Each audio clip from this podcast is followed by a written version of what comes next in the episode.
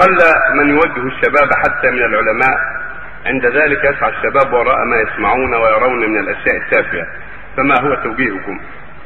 على كل حال موجود من أهل العلم وجود العلماء بحمد الله موجود وإن كانوا قليل بالنسبة إلى غالب البلاد قليل لكن على كل حال طالب العلم إذا سعى وطلب العلم وجدهم. إذا طلبهم وجدهم.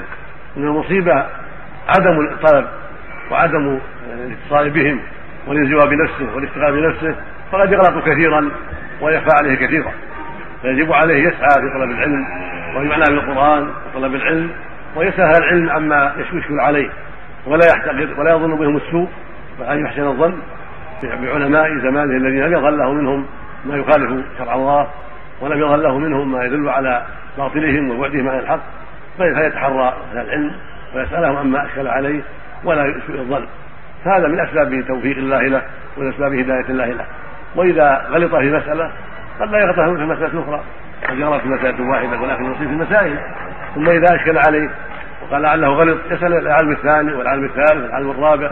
هكذا كان السلف يسألون حتى يطمئنوا يسألون العلماء. لا لقصد الامتحان والتعنت لا ولكن للطمأنينة حتى يجد منهم ما يطابق ما عنده من الدليل وما عرف من الدليل الذي قد أشكل عليه.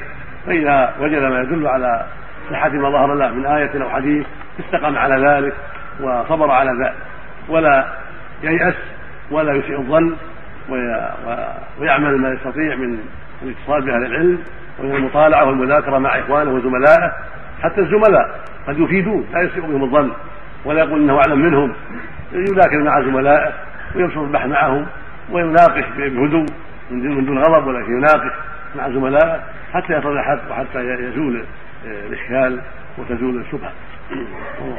ما حكم النظر؟ عليك يا شيخ. بارك شكرا الله يوفقك. الآن معنا مشايخ من أجل الذين متخرج من الكلية. هل الذي نعم. متخرج من نعم. الآن الناس عندهم عرف ان الذي يتخرج من الكلية؟ هو الشيخ. أما الذي يتخرج من الثانوية أو من المتوسط ما هو الشيخ؟ ما عندهم على كل حال على كل حال. لكن كما زاد علمه ترقى إلى الصواب. متخرج الجامعة اطلب من الصواب من الثانوي وهكذا.